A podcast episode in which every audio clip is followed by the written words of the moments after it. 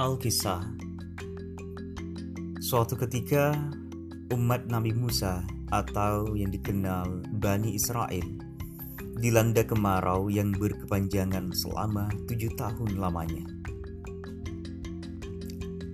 Tempat tinggal mereka menjadi gersang, kering, air minum susah, tanaman dan hewan-hewan banyak yang mati, penyakit pun merebak Hal ini membuat kehidupan mereka menjadi sangat sengsara. Banyak dari mereka mengeluh tak sanggup lagi menjalani kehidupan dengan penuh kesengsaraan tanpa air. Dengan keadaan seperti ini, maka pada suatu hari Nabi Musa mengajak seluruh umatnya untuk sholat istisqa, berharap agar Allah menurunkan hujan kepada mereka. Salat istisqa pun dilaksanakan oleh Nabi Musa dan umatnya. Beliau mengajak umatnya yang berjumlah 70 ribu melakukan sholat di tengah padang pasir yang luas. Setelah melaksanakan sholat istisqa, Allah kemudian menurunkan wahyu kepada Nabi Musa. Allah berfirman, Wahai Musa, aku tidak bisa mengabulkan doa-doa mereka. Bagaimana aku akan mengabulkan doa mereka, doa umatmu, sedangkan doa-doa mereka tertutupi hijab karena dosa-dosa mereka. Hati mereka amatlah buruk, jiwa mereka amatlah busuk. Mereka merengek tanpa dibalut dengan keyakinan bahwa aku akan mengijabah doa-doa mereka.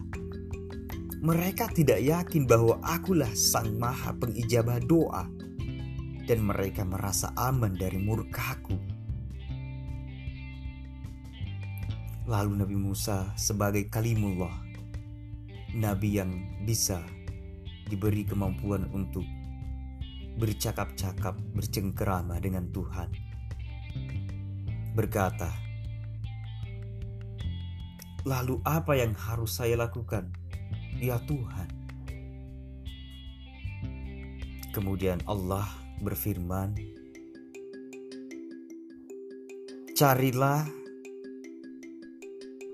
pergi temui salah satu hambaku yang bernama Barh. Pintalah, mintalah ia agar memintaku untuk menurunkan hujan sampai aku menurunkannya. Pergilah wahai Musa, cari hambaku yang bernama Barah, hambaku yang senantiasa membuat saya tertawa tiga kali dalam sehari. Mintalah kepadanya, mintalah berdoa untuk aku menurunkan hujan. Ketika Musa bertanya tentang sosok Barh al-Aswad, ia tidak diberitahu secara langsung. Ia bertanya-tanya ke sana kemari pun tak kunjung beliau menemukannya. Siapa orangnya?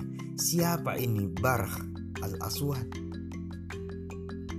Sampai pada suatu hari, ketika Nabi Musa berada di sebuah jalan di suatu kota dan setelah pencarian yang cukup lama, ia melihat seseorang berkulit hitam, berparas sederhana, dan tampak di dahinya bercampur debu dengan petunjuk cahaya Allah yang diberikan kepada Nabi Musa. Nabi Musa pun akhirnya mengetahui bahwa sosok yang ia cari selama ini kini ada di hadapannya. Dengan segera ia menghampiri dan memberi salam ke sosok yang bernama Barah tersebut. Siapa nama kamu? Tanya Nabi Musa setelah mengucapkan salam kepadanya. Nama saya Barah, jawab orang tersebut. Lantas Nabi Musa berkata, Ternyata benar, kamu adalah orang yang saya cari-cari selama ini. Aku diperintah Allah untuk menemuimu. Aku diperintah agar aku memintamu untuk berdoa kepadanya, agar Allah mau ridho menurunkan hujan kepada kami di kemarau yang sangat panjang ini. Tanpa berpikir panjang, Barak pun menengadahkan tangan dan berdoa. Dan doanya ini aneh. Barak berdoa seraya berkata, Wahai Allah Tuhanku, apakah kemarau panjang ini adalah perbuatanmu?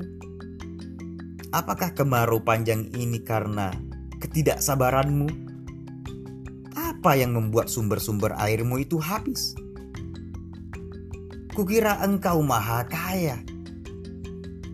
Masa hambamu minta air saja kamu tidak kasih? Ataukah angin sudah tidak lagi taat kepadamu? Ataukah engkau sudah kehabisan sesuatu? Atau jangan-jangan engkau sangat murka kepada mereka para pendosa? Bukankah engkau maha pengampun sebelum engkau menciptakan orang-orang yang berbuat salah? Masa orang berbuat dosa saja kamu tersinggung, kamu marah? Engkau menciptakan rahmat, kasih sayang, dan Engkau memerintahkan untuk menyayangi. Ataukah Engkau menunjukkan kepada kami bahwa Engkau tercegah, Engkau tertolak, ataukah Engkau takut kehilangan sesuatu sehingga Engkau mempercepat siksaan? Cobalah turunkan saja hujanmu. Masa hujan saja repot? Turunkan cepat.